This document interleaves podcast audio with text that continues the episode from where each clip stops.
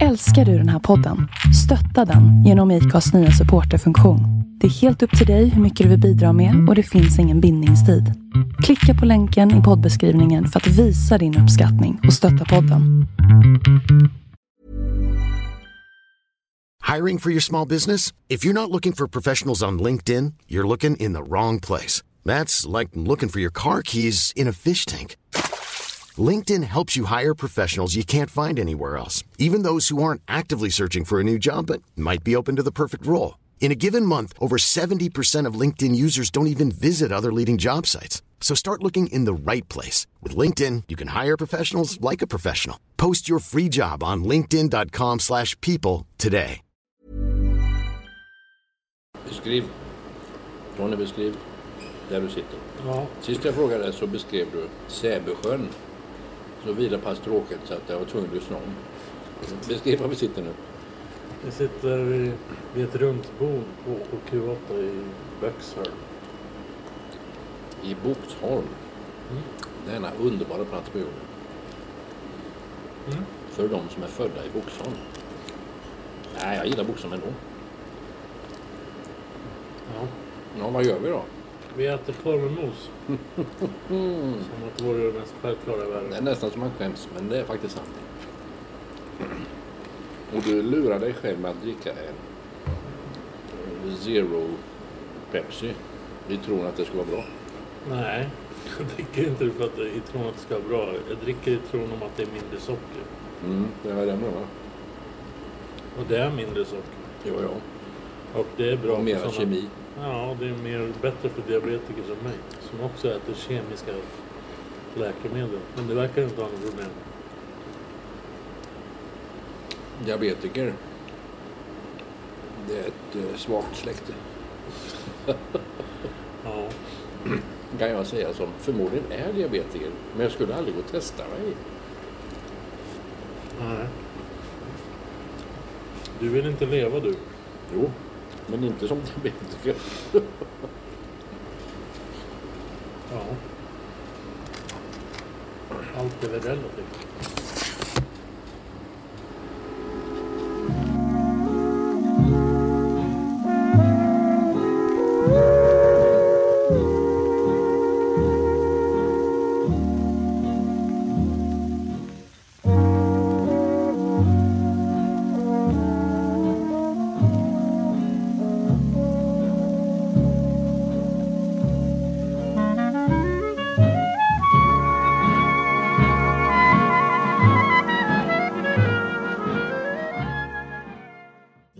Lite luggslitna servering av korv och mos. Pulvermos, den saken är klar. Men vi sitter på en ännu sämre plats nu. Sämre? Jag Ja, ja värre. Ja, eh, Fulare. jag tycker det är vackrare. Ja, Beskriv då. Vi svängde ut från den här macken och så körde vi en bit och vi har kört oss genom ett villaområde och befinner oss just i detta nu och tittar in mot, mot en eh, ja, nästan uteslutande lövskog. Ja, med i och för sig gula fina löv, men en gammal trafostation som är eh, besprayad och eh, det är, ja, man får ha väldigt god, vara på gott humör för att säga att det här är vackert. Nej men jag, jag, jag älskar ju hösten. Ja, Därför det. blir det ju väldigt enkelt för mig att säga när, när färgskiftningarna börjar ge sig till känna då, då känner jag att då, då är vi rätt, rätt, rätt nära evigheten. Nu, du, jag har nämnt det här förut, men du börjar lägga det på minnet. När Karlfeldt skriver om den vår de svage kallar höst. Okej.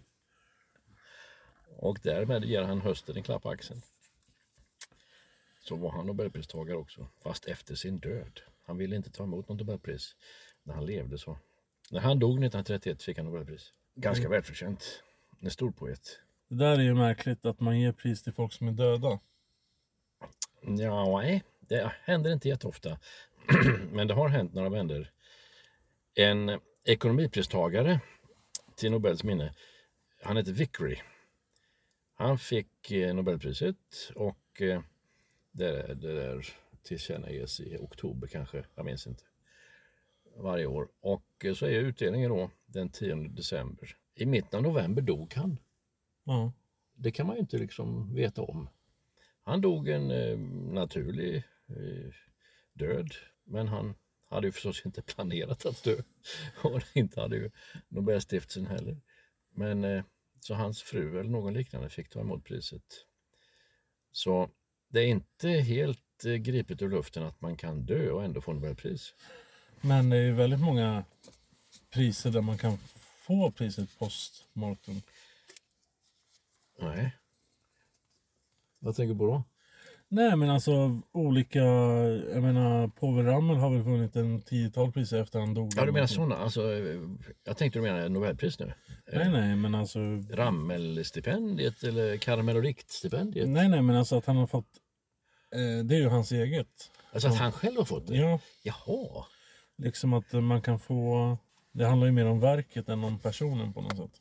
Ja, ja. ja men då, då, kan jag, då hänger jag med. Eh, för mig är ju, alltså det är klart att man ska hylla verket men det är rätt hjärndött kan jag tycka. Eh, för det är ju ingen som har någon glädje av det. Om man inte har en stiftelse som Povel Ramel har. Där man, Det, Cornelis lär ha dött utfattig och, eh, 1987 kanske det var. Han var inte riktigt i ropet då. Och när han levde så han höll i pengar. Det var ju kontantbetalning på den tiden naturligtvis. Inga kort, inga swish, inga på det sättet. Pengar i ett kuvert, eller han hade pengarna i en, i en papperskasse från Ica. Eh, det kunde vara 40 000 på en sommarturné. Eh, då hade han kommit halvvägs. Så han hade, höll i pengar med öppen hand liksom. Det var inte mycket mer tanke på morgondagen än så. Så han lär ha dött ganska fattig. Och inte jättegammal. Han kan ha varit 50. Eller något sånt. Eh, då sätter man igång med Cornelis-stipendiet. Eh, och då blir han plötsligt i lite i ropet och man ger ut Den flygande holländaren, en dubbel-CD och så kommer en efterföljare på det och plötsligt är hans namn och hans sånger, hans poesi. Det är nivå på Cornelis alltså, det håller jag verkligen för. Nu får den där anhöriga och någon stiftelse och någon ansvarig eh, ansvarig gäng för hans efter kvarlåtenskap in hur mycket stålar som helst och får det fortfarande och delar ut det där Cornelis stipendiet eller Cornelispriset, vad det nu kan heta. En bra hacka. Mm. Hans eh, son Jack Ja. Resvik spelar väl dessutom sin far i filmen som handlar om hans liv. Jaså? Oj då. Eh, De är inte helt olika. Nej, och han lever väl ganska bra på sin pappas Kan tro det. musik som han åker runt och spelar och sådär också. Så att, eh, Har du möjligen hört någon Cornelis skiva där han sjunger på holländska? Nej. Det han har två stycken tror jag. Ehm, och de är lika bra. Man förstår ju inte ett ord, men man förstår ändå. Ja. Ehm, det är väldigt corneliskt när han sjunger på sitt modersmål. Men han, eh, käre värld, hans första, hans första, det var en dubbel-LP, heter Grimaser och telegram. Och en dubbel-LP som debutskiva var ju ganska stort på 60-talet. Det var inte särskilt vanligt. I alla fall. Då fick han frågan av någon reporter i Stockholm. Varför heter skivan Grimaser och telegram? Jo, sa han då. Han var ju duktig på svenska. Fast han inte då var vare sig född eller hade det som modersmål. Han lärt sig svenska liksom genom att jobba i hemtjänst och äldrevård och sådär i Stockholm. Jo, den heter Grimas och telegram därför att det heter egentligen grimas, men alla säger grimas. Det var hans svar. Ja, det låter ju klokt. Mm. Sen blev det då, han har många sånger som heter så. Telegram för en bombad by och Grimas om morgonen. Och, alltså det, de där Grimas och telegram dyker upp under större delen av hans produktion.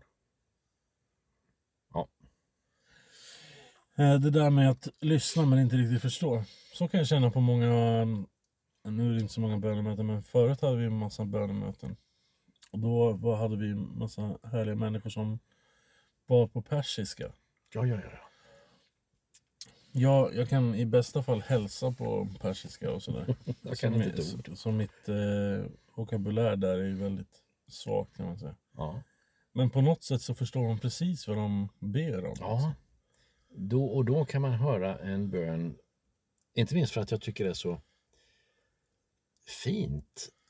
Ett fint språk och det låter så mjukt och fint när någon afghan eller iranier ber på sitt modersmål.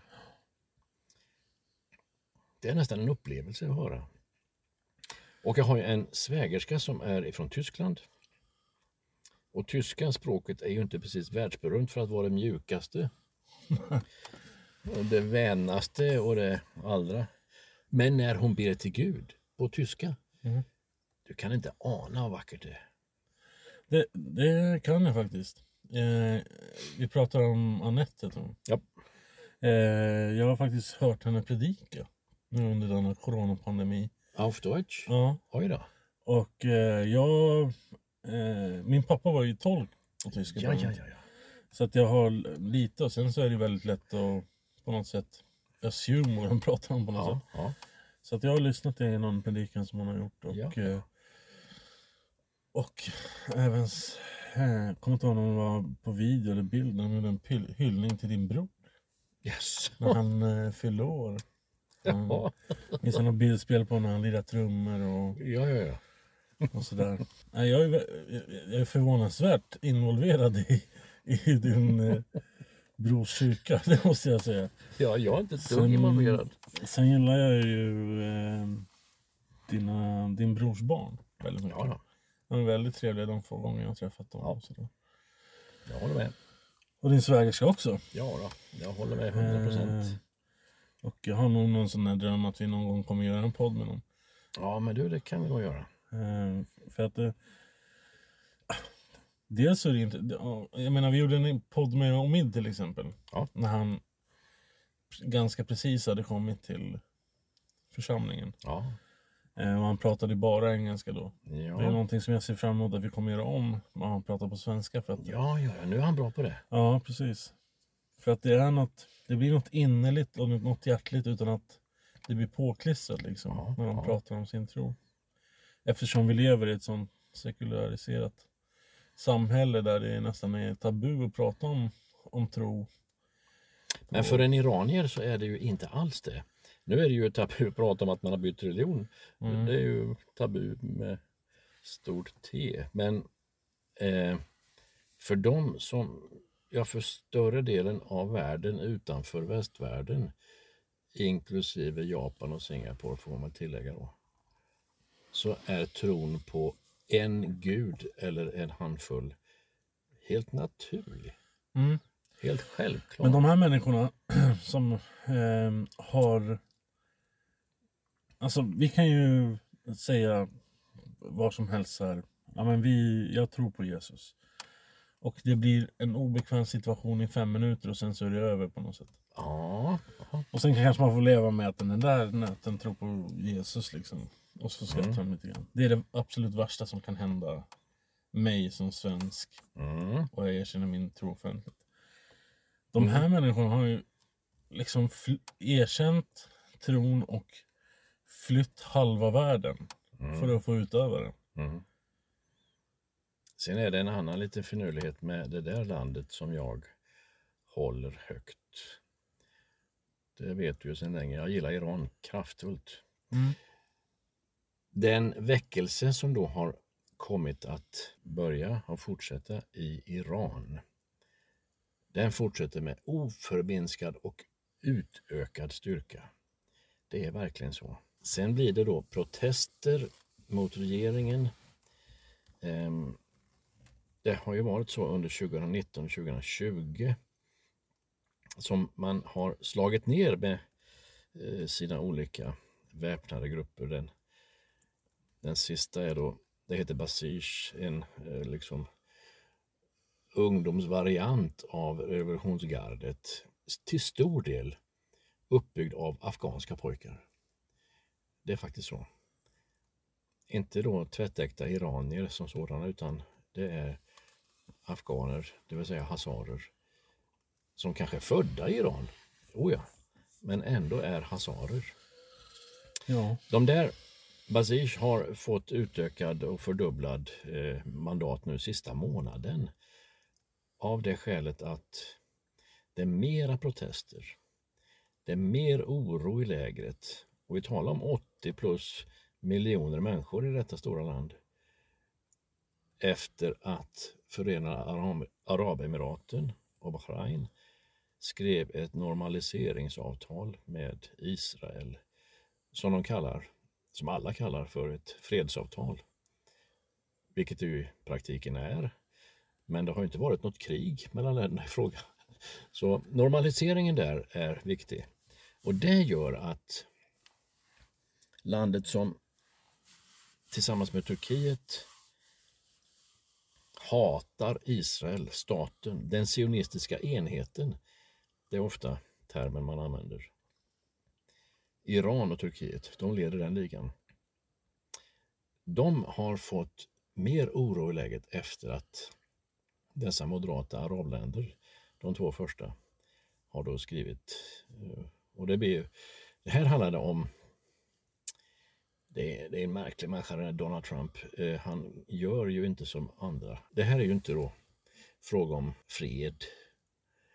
Ja, jag får ta den här bilden. Om du och jag är bråkar, vi har fiendskap, Mm. så kan då någon komma och medla mellan oss och, och vi ska försöka sitta och prata lite städat och vänligt och upptäcka att det var inte så farligt och ja, men jag menar inte riktigt. Och, Mm. en, normal, en normal pappa eller mamma som, som tar och försöker skapa fred mellan sina barn eller med grannens barn. Nå, Donald Trump han gör inte så. Denne lustige lustig president. Han siktar på en helt annan väg, nämligen business, trade, money. Och så, så har det varit med eh, just det här som då har varit en världsnyhet. Att nu ska utbytet i teknologi, medicin, eh, avsaltning av havsvatten, sådana där saker. Utbyte av business, det är det som är vägledande. Och om du och jag har affärer ihop, då kan vi inte vara arga på varandra. Då behöver vi ingen mäk- mäklare som, som försöker mäkla fred med oss. Om du och jag har affärer ihop, vi må gnälla och leva, men vi har den beroendeställningen till varandra. Ja. Och det är det som denne affärsman, som råkar vara Amerikas president, använder. Men eh, det är väl, eh, jag tänkte på det när du pratade om fredsavtal. Det är väl för att man vill förhindra att det ska bli något krig som man... Ja, som man tar den här businessvägen. Oh ja. Och att de köper det. Nu, nu råkar Israel ha top of the line av allting. Så när det gäller medicin, när det gäller teknologi, när det gäller, ja, ta vad du vill, så har de ju förutsättningar att kunna dela med sig av. Ja, Ja, Israel är väl det enda landet, kanske tillsammans med Iran, som på något sätt mäktar med en, eh, att vara en demokratisk stat om man rent, rent infrastrukturmässigt. Om man skulle få ett sånt styre som är öppet för det. Ja, Och det har vi pratat om många gånger tidigare att jag tycker att Iran är det landet som är mest likt väst. ja, Eh, rent strukturellt. ja formellt, fast inte i praktiken. Nej precis, men skulle man eh, flytta bort den här Ja, ja. eh, muslimska grejen som de håller på med. Så, Då är det öppet mål alltså. ja precis, då, är, då har man ju allting på plats. För man har ju sjukhus, man har Ja. ju universitet och alla de här grejerna. Sen har vi en ganska förlegad syn på arabvärlden i, i, och Afrika för den delen också. I västvärlden. Ja, att man tror att alla är Biafra-barn och Ja. hela den här grejen. Vi har ju ett par praktikanter i, i kyrkan, eller tre stycken praktikanter i kyrkan. Mm. Nu, den, haft för, den här veckan och veckan in, och ve, nästa vecka.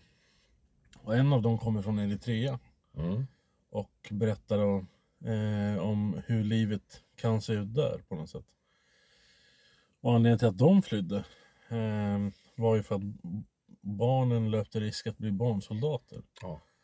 Eh, men det, det är inte fattigdom att tala om på det sättet som man gärna får bilden när man pratar om Afrika. Utan här, eh, han pratar mycket om Ja men det är en eh, italiensk koloni, vi har den bästa kaffet och bästa pizzan i världen. Och, ja, jo, det måste jag säga. Eh, jo men det, det, jag skulle inte bli förvånad om det är så. Men det är ju knappast den bilden, det är inte det första jag tänker på när jag tänker på Eritrea. Utan eh, då tänker jag mer på den här eh, reaktionära styret som man har. Till exempel David Isak som har blivit tillfångatagen därför att han var en oppositionell journalist och, och sådär. Mm. Det är liksom det, men det är så alltså det blir så färgat på något sätt. Han har suttit en 20 bast Ja. eller något.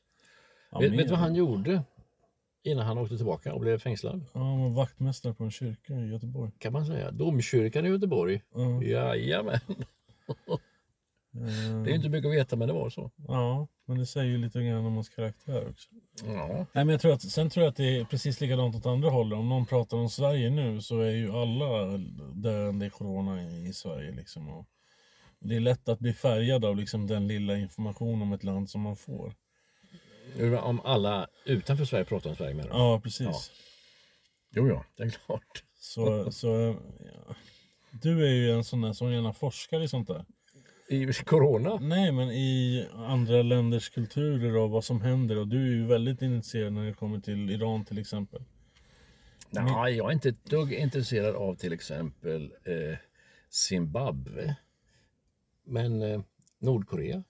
Jo, Så men, det blir ju vissa länder man men får... det jag menar är att om, du, om någon säger någonting om ett land och Ja. du tycker att det här låter lite fishy. Ja, Så då är, är ju du den som undersöker ja, ja, ja och tar klart. reda på och, och så här. Och det är väl någonstans där som jag... Alltså min vy av Iran har inte förändrats så mycket av själva iranierna som kommit hit. Eller afghanerna. Utan den har förändrats av saker som du har sagt. Jaså. är det bra eller dåligt? Ja, men det, är, det är ju jättebra att man får en, en mer tillrättalagd bild av ett land. Det gör ju att man kan förstå de människorna som kommer hit också på ett annat sätt. Mm. Eh, för pratar du med ja, men, Nämnda och Mid till exempel så Mm. har jag nästan uteslutande bra grejer att säga om Iran. Ja, ja. Och han kommer dessutom från gammal fin kultur. I Shiraz eller vad heter det? Ja, den, i den krokarna. Eh, Sirradruvan kommer därifrån Ja. förresten. Apropå vin och systembolag. Eh, eh, Shusha. Eh, och den stad där Alexander den store dog. Efter att ha supit arslet av sig. Han dog faktiskt där. Eh, strax i krokarna så finns profeten Daniels grav, bara en sån sak. Eh, ja. Men var inte det någon av de ursprungliga församlingarna som utgick därifrån också? Jo, det kan du ge dig sjutton på. Alltså, mm, nu så du, nu är du inne på intressant mark. Apostlagärningarna 2, den första pingsten. Den heliga ande och allt det där. Nu kommer tungotalet. Och de anses ju vara fulla, druckna av sött vin. Så står det om de som då pratar andra språk. Och sen står det en annan liten grej som jag inte riktigt kan förstå, men ändå. Tungor som av eld satte sig på deras huvuden. Ja, vad får du för bild av det? Och att de pratar en rotvälska som ingen begriper. Men de som begriper hör vad det är, för då är det uppräknat en handfull länder vars språk de hör tydligt. Och då är det parter, elamiter och då är det alltså, jag tror utav de fem som nämns är fyra ifrån Iran. Nuvarande Iran alltså. Ja. Så att du kan tro att den första församlingen kom att innefatta naturligtvis Jerusalem eh, församlingen. Mm. Självklart är det där det börjar. Jag tror det är 3000 första dagen som tar emot Jesus som sin frälsare.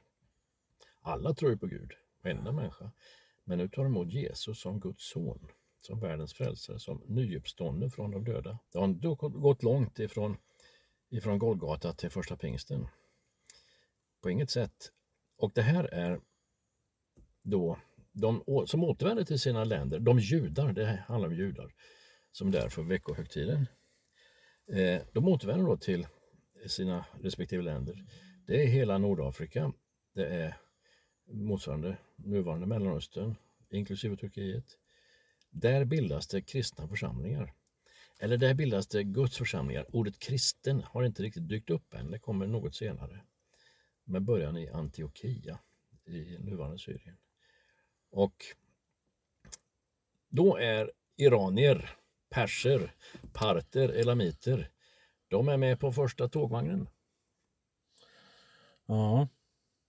Det ska de veta. Eh, Alltså när man säger det till dem, eller när jag säger det till afghanska pojkar, om jag haft någon liten sittning med dem.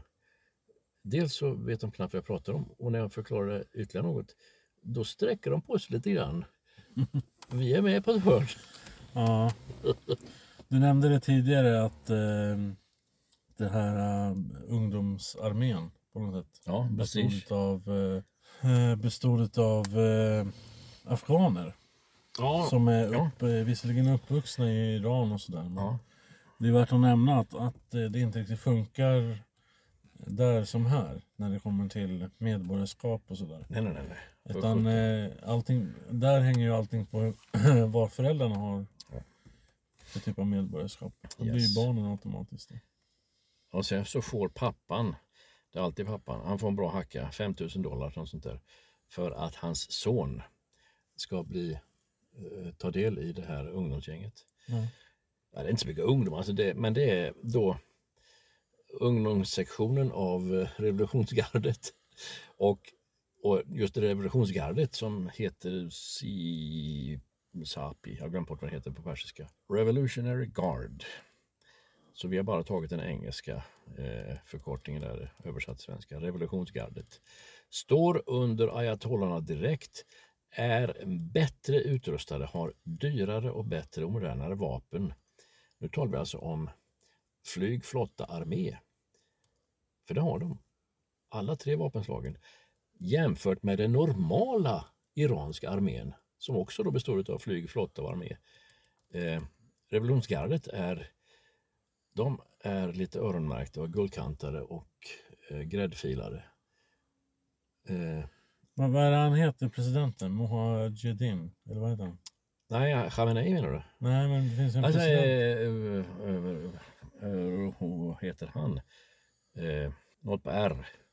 Att jag inte kommer ihåg det. Vad gäller det? Saken med honom? Nej, men jag tänker att det, det är väl han som är överhuvudet för den, liksom, den statliga armén på något sätt. Och sen har jag talarna... Sen har du de andra. Det är nästan lite grann som att jesuiterna på sin tid stod direkt under påven och ingen annan. Därför kunde jesuiterna vara så effektiva. Det är de fortfarande är. De behöver inte svara till några kardinaler eller till några katolska präster. Mm. De hade direkt relevans till påven i Rom. Är det bra eller dåligt? Ja, det var ju väldigt praktiskt. Och de, det var en gräddfil som heter duga. Men idag tänker jag. Om man skulle ha en sån som... Eh, Nej, det är ju odemokratiskt från början till slut. Alltså det, Ja, jo, det men- bäddar ju för mygel, korruption och elände. jo, jo, men det är ju... eh, Bibeln är ju ingen demokratisk eh, Nej, handling. nej, det är det inte. Eh, Men både du och jag omfattar ju demokratin som den bäst, det bästa av alla styrelseskick som hittills har funnits på jorden. Mm. Du i all synnerhet eftersom du är vänster. Ja, nu finns det ju beskärda delar av vänstern som inte riktigt tyckte att demokrati var så bra heller. Stor del av vänster. Ja. Ehm,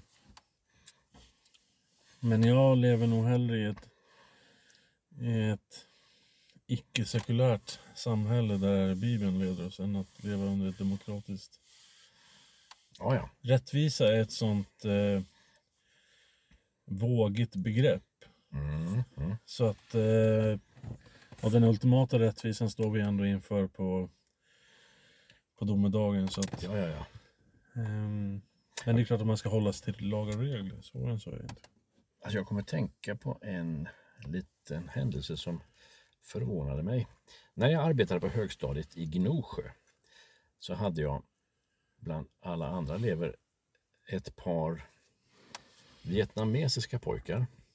Det fanns rätt mycket vietnameser i Gnosjö. Det var såna här båtflyktingar från, från eh, Vietnamkrigets slut, slutkläm. Eh, de kom till Amerika främst och en hel del kom de till Europa till Sverige.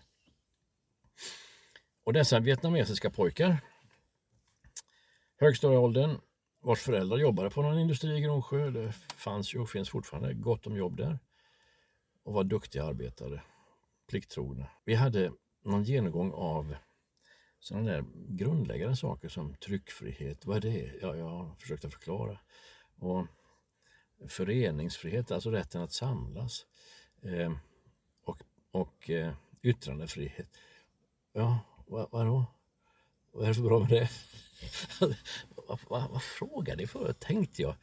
Men så förstod jag ändå. Vad har de för nytta av yttrandefrihet om man inte har från början mer grundläggande behov tillfredsställda som tak över huvudet, eh, kläder som man möjligen tycker är vackra och gå i matbordet och sådär. Ehm, så det gick inte riktigt hem med det som vi tycker är överdrivet självklart. Yttrandefrihet, att inte någon polis kommer för att jag säger att statsministern är ett stort svin. Eh, jag får säga det. Mm.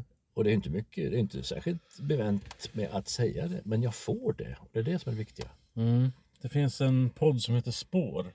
Okay. Har du hört talas om den? Mm, kanske du har nämnt någon gång. Ja, de eh, utreder i alla fall ett mord som har hänt ibland vietnameser i Nyköping. Jaha.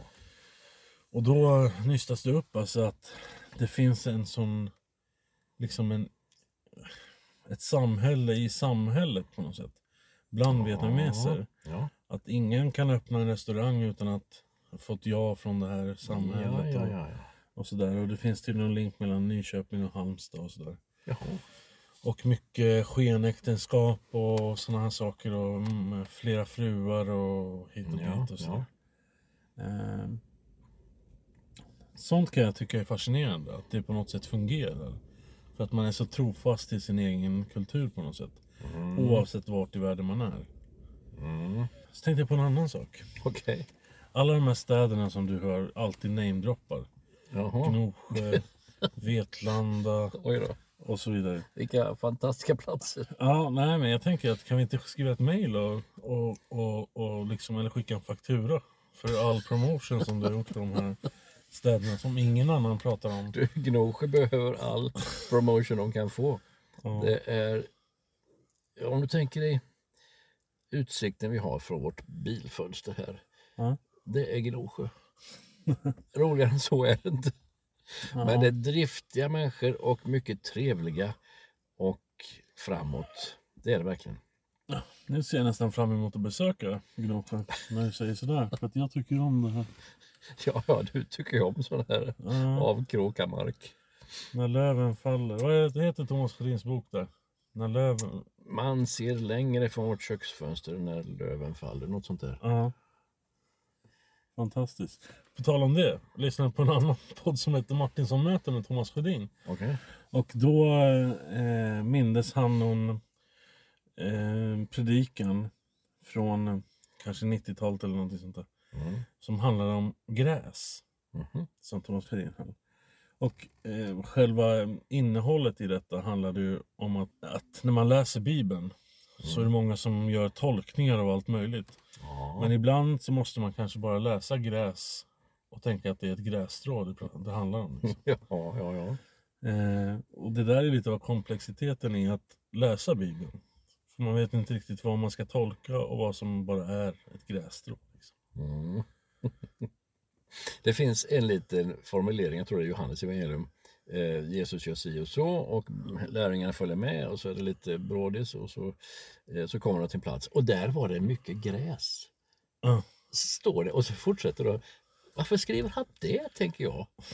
Eh, dels för att han var med själv naturligtvis och har en minnesbild av det. Och i det där varma landet så är det kanske någonting man lägger märke till om det är mycket gräs. Eh, men det ger en, en sån där stabilitet till vittnesbördet. Den här, han var med. Han vet hur det såg ut och Mm. nu har han skrivit om det. Och han är ju gammal som 17 när han skriver sitt evangelium, sina tre brev och Uppenbarelseboken. Eh, han är den enda som dör naturligt av ålder och vishet. Alla andra lärjungar dör för att de tror på Jesus. Martyrer. Men eh, är det inte han som eh, lever på grässoppor och... Nej, det är Johannes döparen. Okej, är det Johannes? Ja, det är fel Johannes, men, men han levde på gräshoppor och honung. Vad levde den här Johannes på? Han levde nog som vanligt. Eh, Han, han är i och för sig eh, flyttad till den där ön Patmos av kejsaren i Rom som heter, vad heter han på den tiden? Det är något kort namn. Eh, Boba, Moba, något sånt där kort. Ganska okänd och kortvarig president, eh, kejsare. För att han eh, ställer till det genom att vinna människor för Gud. Genom att kristendomen breder ut sig där han finns. Och då sitter han på den här ön och skriver sitt, sin uppenbarelsebok. Eh, sen så kommer han tillbaka till fastlandet som då är alltså turkiska sidan, nuvarande turkiska. Mindre Asien eller Javan, vilket du vill. Och där dör han, om det nu är i Efesos, i hög ålder.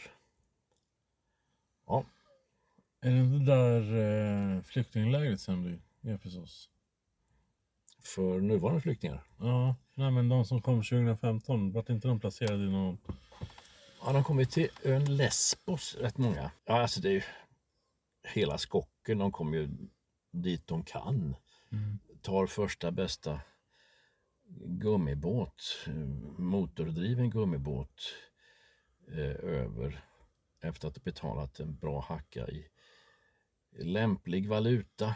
Men det, det finns säkert, Efesos är säkert med på ett hörn där. Varför det vart en sån stor flyktingström där och att det inte hände samma sak mellan Marocko och Spanien? Liksom. Ja. Ja. Och varför, det, varför allting går via Libyen nu ifrån Nordafrika? Eh, ja, ja, vi vet faktiskt inte.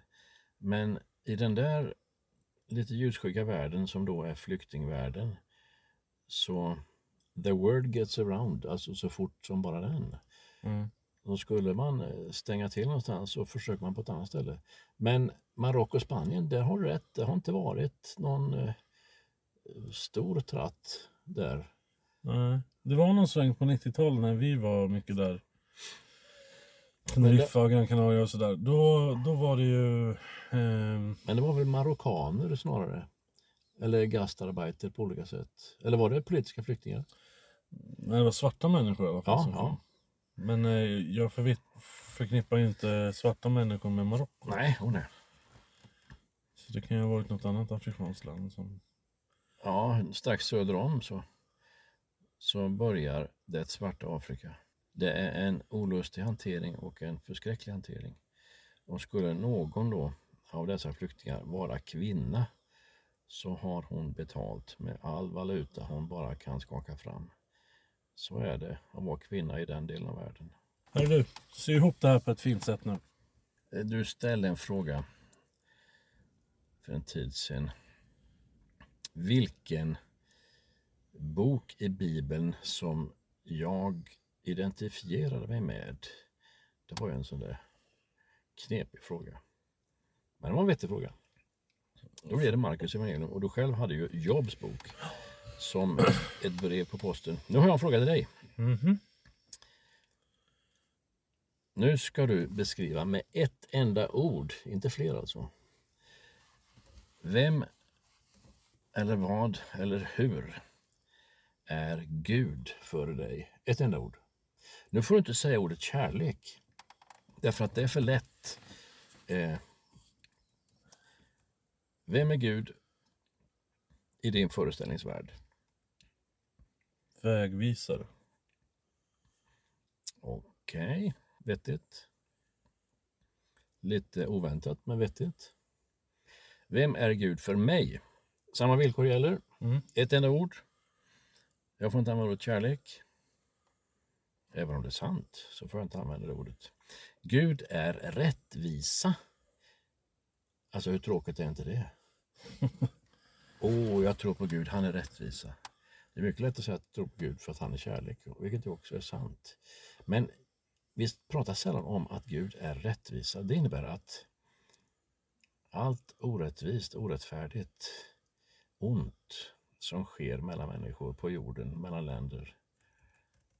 Gud är den som kan styra tillbaka allt sånt.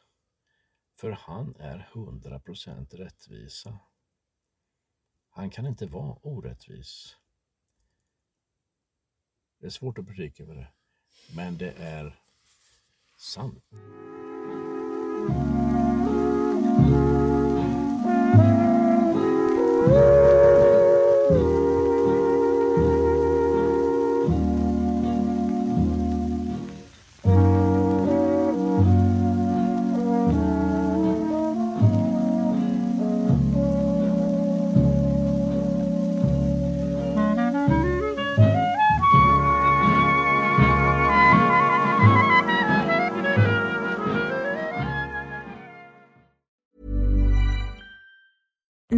Being a little extra can be a bit much, but when it comes to healthcare, it pays to be extra.